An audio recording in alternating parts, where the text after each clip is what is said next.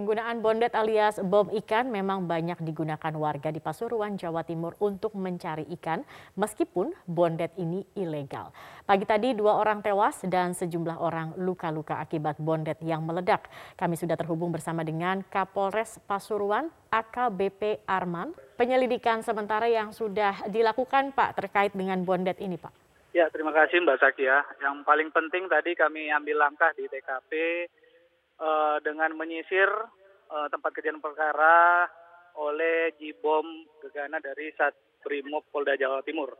Dan hmm. sudah dipastikan tidak ada lagi bahan yang mudah meledak di area TKP. Baik, dari apa saja Pak yang... Ya. Uh-huh. Pak Arman, dari, uh, dari rumah uh, korban ini sendiri apa saja yang ditemukan ini Pak Arman? Ya, sementara lapor masih bekerja ya Mbak Zagia ya. Kemudian ada beberapa yang ditemukan memang bahan padat yang diperkirakan sebagai bahan campuran dari uh, bahan peledak yang biasa digunakan untuk bom ikan. Kemudian ada beberapa barang juga kayak casingnya, uh, kapas, kemudian ada saringan, ada kotak penyimpanan, hmm. dan barang-barang yang hancur ikut hancur dalam rumah ya. Baik, Pak Arman, uh, bondet atau bom ikan ini kan sebenarnya dilarang begitu ya Pak ya. Tapi mengapa kemudian iya. masih saja ada warga yang membuatnya dan bahkan faktanya bondet ini juga disalahgunakan untuk tindak kejahatan lain juga Pak. Misalnya seperti pembegalan dan lain-lain Pak. Ya Mbak Sakia, memang kami sudah menyisir terutama dengan perangkat desa dan memastikan bahwa tidak ada masyarakat lagi yang membuat bahan bom ikan atau bondet dari bahan peledak. Dan kemudian hari ini baru terjadi di desa di desa Macan dusun Macan Putih ya. Sementara yang kami anggap pembuat bondet ini biasanya di daerah uh, pesisir laut. Hmm. Nah, ternyata bapak dari Kofar ini yang memang tinggalnya di pesisir laut mungkin membuatnya di rumah anaknya si Kofar ini yang di daerah Kebun Candi.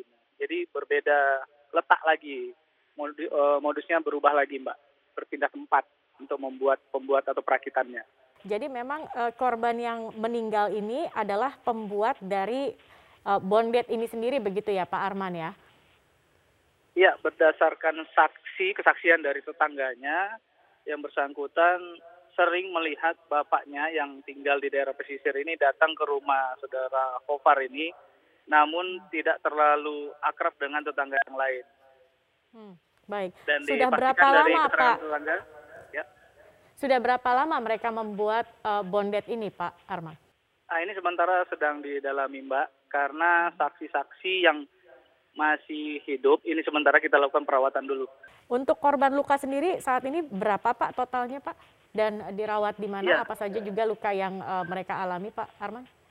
Ya, tadi total yang masih perawatan dua ya, ini ada lima mbak, jadi tambah tiga yang tiga luka ringan. Jadi total yang masih dirawat ada lima. Luka-lukanya ada yang luka di kepala, dahi, hidung, betis. Mm -hmm. Baik, Pak Arman artinya ya. memang kalau di wilayah uh, dari TKP kejadian pada hari ini sebenarnya ini uh, tidak begitu dekat dengan laut begitu ya Pak. Ini merupakan rumah milik Gofar begitu ya Pak. Tetapi bapaknya datang ke sana dan sepertinya merakit bom ikan di sana begitu. Berarti aktivitas pembuatan uh, bondet ini sendiri di wilayah ini ini masih banyak terjadi begitu Pak Arman. Untuk banyaknya sementara ini data kami sudah sangat menurun Mbak dibanding eh, tahun-tahun dulu ya. Karena hmm. memang kami gencar untuk uh, menyisir rumah-rumah warga yang dulunya dianggap sebagai produsen bom ikan tersendiri. Hmm. Oke. Okay. Pak Arman, kemudian apa langkah yang akan dilakukan Pak uh, setelah nanti penyelidikan ini dilakukan dan lain-lain? Apa langkah kemudian yang akan dilakukan Pak Arman? Ada beberapa langkah Mbak yang penting preventif dulu kami himbau kepada seluruh masyarakat khususnya di wilayah hukum Polres Pasuruan Kota untuk mewaspadai pembuatan bondet ini karena sangat berbahaya dan juga ada ancaman pidananya. Kemudian langkah yang kedua menyusuri keterlibatan saksi-saksi ataupun keluarga yang bersangkutan. Apakah terlibat dalam pembuatan bondet ini atau hanya tersangka yang meninggal itu yang uh, sebagai produsen. Pemirsa Taman Impian Jaya Ancol, Jakarta Utara segera membuka kembali pintu bagi wisatawan di masa pandemi COVID-19. Sejumlah persyaratan bagi pengunjung pun dipersiapkan. Informasi selengkapnya kami langsung bergabung bersama rekan Nisrina Kirana langsung dari Taman Impian Jaya Ancol. Nisrina, kapan rencananya uji coba untuk pembukaan Ancol ini akan mulai dilakukan? Dengan keputusan Gubernur DKI Jakarta nomor 1072 tahun 2021 tentang PPKM level 3, beberapa lokasi wisata yang berada di DKI Jakarta akan bertahap dibuka kembali. Dua lokasi tempat wisata yang akan dibuka kembali yaitu menjadi lokasi uji coba adalah Taman Impian Jaya Ancol dan Taman Mini Indonesia Indah. Berbagai persiapan pun juga disiapkan oleh pengelola Taman Mini Indonesia Indah terkait untuk menyambut para wisatawan dan jika sudah diperbolehkan untuk pemerintah provinsi ataupun pemerintah daerah lokasi wisata ini dibuka. Beberapa di antaranya yaitu menambah sarana dan juga prasarana yang disediakan, misalnya saja tempat mencuci tangan, tempat toilet dan juga pintu masuk loket yang nantinya akan diatur sedemikian rupa agar tidak terjadi kerumunan yang terjadi di lokasi wisata outdoor ini sendiri. Selain itu juga pihak daripada Taman Mini Indonesia Indah juga akan memperlakukan berbagai persyaratan-persyaratan memang harus dipatuhi. Misalnya saja mereka harus sudah divaksin dosis pertama dan para wisatawan ini tidak diizinkan bagi mereka yang masuk adalah anak-anak usia di bawah 12 tahun dan juga e, lansia begitu karena memang pihak daripada Taman Mini Indonesia Indah ini menghimbau untuk anak-anak masih belum diperbolehkan untuk masuk ke area Taman Mini Indonesia Indah. Terkait dengan kapasitas pengunjung sampai dengan hari ini pada masa PPKM level 3, kapasitas daripada pengunjung ini memang dibatasi 50%, namun di Taman Mini ini sendiri tidak pernah mencapai 50% perharinya. Biasanya Taman Mini dapat menerima dan menampung sebanyak kurang lebih 4.000 sampai dengan 6.000 pengunjung dan angka ini tidak sampai dengan angka 50%. Tim Detasemen Khusus Densus 88 Anti Teror Polri menangkap tiga terduga teroris di Bekasi Utara dan Grogol Petamburan, Jakarta Barat. Ketiga terduga teroris itu diringkus pada Jumat pagi dan kini diamankan di rumah tahanan Polda Metro Jaya. Tim Densus 88 Anti Teror Polri kembali menangkap tiga terduga teroris dari kelompok Jemaah Islamiyah di wilayah Bekasi dan Jakarta. Ketiga teroris berinisial ME, S, dan SH ME dan S ditangkap di wilayah Harapan Jaya, Bekasi Utara pada Jumat pagi pukul 05.30 dan 6.00 waktu Indonesia Barat. Sedangkan S diringkus di Grogol Petamburan, Jakarta Barat pukul 8 waktu Indonesia Barat. Menurut polisi, SH adalah anggota Dewan Syuro Jamaah Islamiyah. Ketiga terduga teroris telah dibawa ke Polda Metro Jaya untuk menjalani pemeriksaan intensif dan mendalami perannya dalam aksi terorisme. Dua orang di Bekasi Utara. Kemudian jam 8 Densus juga menangkap di Kecamatan Grogol Petamburan Jakarta Barat. Jadi tiga orang hari ini semuanya laki-laki dan yang terakhir yang saya sampaikan SH adalah salah satu anggota Dewan Suro dari Jemaah Islamiyah.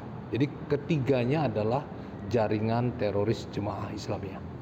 Untuk ketiganya saat ini sudah dibawa ke Polda Metro atau gimana Pak? Saat ini diamankan, dilakukan pemeriksaan dan dibawa ke Polda Metro. Pasca penangkapan, kondisi di kawasan rumah terduga teroris ME di Bekasi Utara tampak kondusif. Di lokasi penangkapan pun tak tampak garis polisi yang terpasang. Menurut pengurus RW setempat, Densus 88 mendatangi rumah ME di Jalan Duet Harapan Jaya Bekasi Utara pada Jumat pagi. Warga menduga ME telah diamankan oleh Densus usai sholat subuh di masjid.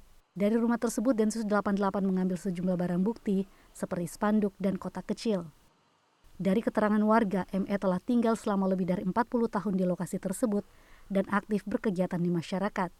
Sementara terduga teroris lainnya yang ditangkap di Jalan Wijaya Kesuma, Grogol Petamburan, Jakarta Barat, yakni SH, menurut warga dalam kesehariannya terlihat biasa dan cenderung tertutup. Sejumlah tetangga mengaku kaget dengan adanya penangkapan oleh Densus 88 karena tidak menduga SH terduga teroris. Saat ini rumah terduga teroris SH yang disebut sebagai salah satu Dewan Syuro Jamaah Islamiyah tersebut tampak sepi. Di lingkungan dia paling keluar kan jamaah mau sholat aja. Kalau seharian dia di rumah tertutup gitu, nggak nggak keluar kayak seperti biasa kayak orang ngobrol. Soalnya kalau dia kan kelihatannya kan udah bisa dikatakan udah haji, dengarnya berburu lagi tapi untuk berjamaah di sini kan hanya sholat biasa Belakangan Densus 88 gencar menangkap teroris. Sebanyak 53 teroris di 11 wilayah Indonesia ditangkap pada 12 hingga 17 Agustus 2021 lalu. Sebanyak 50 teroris merupakan jaringan jemaah Islamiyah, sedangkan tiga tersangka yang ditangkap di Kalimantan Timur merupakan jaringan jamaah Ansar Daulah atau JAD. Memperingati tragedi 9 September, Presiden Amerika Serikat Joe Biden memberikan pernyataan publik khususnya kepada keluarga dan kerabat dari para korban. Dalam pernyataannya, Biden menyebut tragedi tersebut membawa persatuan bagi warga Amerika untuk memerangi aksi terorisme, meski juga sempat membawa tragedi bagi komunitas muslim di Amerika.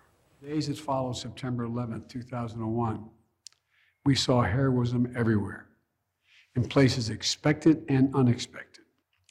We also saw something all too rare a true sense of national unity. Unity and resilience, the capacity to recover and repair in the face of trauma, unity and service, the 9 11 generation stepping up to serve and protect in the face of terror, to get those terrorists who are responsible, to show everyone seeking to do harm to America that we will hunt you down and we will make you pay.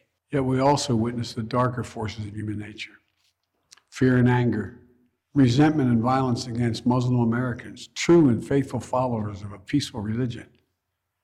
We saw national unity bend. We learned that unity is the one thing that must never break.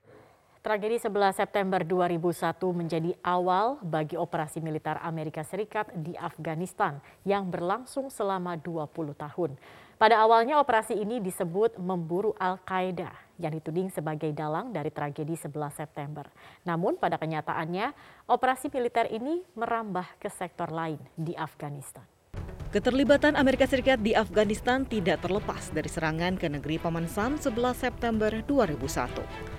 Menara kembar ikonik World Trade Center di Manhattan, New York ditabrak pesawat dan memicu kerusakan konstruksi yang membuatnya rubuh rata dengan tanah. Sedikitnya 3.000 orang meninggal dunia dalam tragedi ini. Milisi Al-Qaeda yang dilindungi Taliban dan berpusat di Afghanistan kala itu dituding menjadi dalang dari penyerangan tersebut. Hanya berselang beberapa pekan dari peristiwa 11 September, Presiden Amerika Serikat kala itu George W. Bush memerintahkan operasi militer ke Afghanistan untuk memburu Al-Qaeda yang kala itu dipimpin Osama bin Laden sebuah operasi yang akan menjadi operasi militer terlama dalam sejarah perang Amerika Serikat. Associated Press News Director for Afghanistan and Pakistan, Kathy Gannon menyebut, operasi militer Amerika Serikat dan sekutunya membawa dampak yang lebih besar bagi Afghanistan dibanding hanya sekedar memburu sekelompok teroris. Menurutnya, operasi militer ini juga sekaligus menekan pengaruh Al-Qaeda dan Taliban yang membuat warga Afghanistan terbebas dari kekangan kelompok ekstremis tersebut. For them, it was probably the most hope they've ever had for their future. Um, after different changes of regimes, because every time one regime would leave, they'd always say, okay, maybe this will be better. And then it turns out not to be. And then the next regime comes, and maybe this will be better. So there was a great deal of hope, I think, that that uh, uh, greeted the arrival not of the Northern Alliance uh, uh people who were allied with the U.S.-led coalition, but the U.S.-led coalition and and uh, the different uh, um, world powers. They thought that this was their chance at a, at a better future. Terhitung sejak akhir September 2011, Amerika Serikat telah menggunakan uang pajak warga negeri Paman Sam sebesar lebih dari 1 triliun dolar Amerika untuk membiayai peperangan di Afghanistan. Uang pajak tersebut juga digunakan untuk pembangunan, operasional pemerintahan, dan bantuan sosial bagi warga Afghanistan. Sayang, sejumlah sumber menyebut bahwa dana tersebut mayoritas hanya berputar di kota-kota besar Afghanistan, seperti Kabul, Kandahar, dan Herat, yang membuat wilayah-wilayah lain masih terperangkap dalam kemiskinan yang membuat pengaruh Taliban tumbuh subur.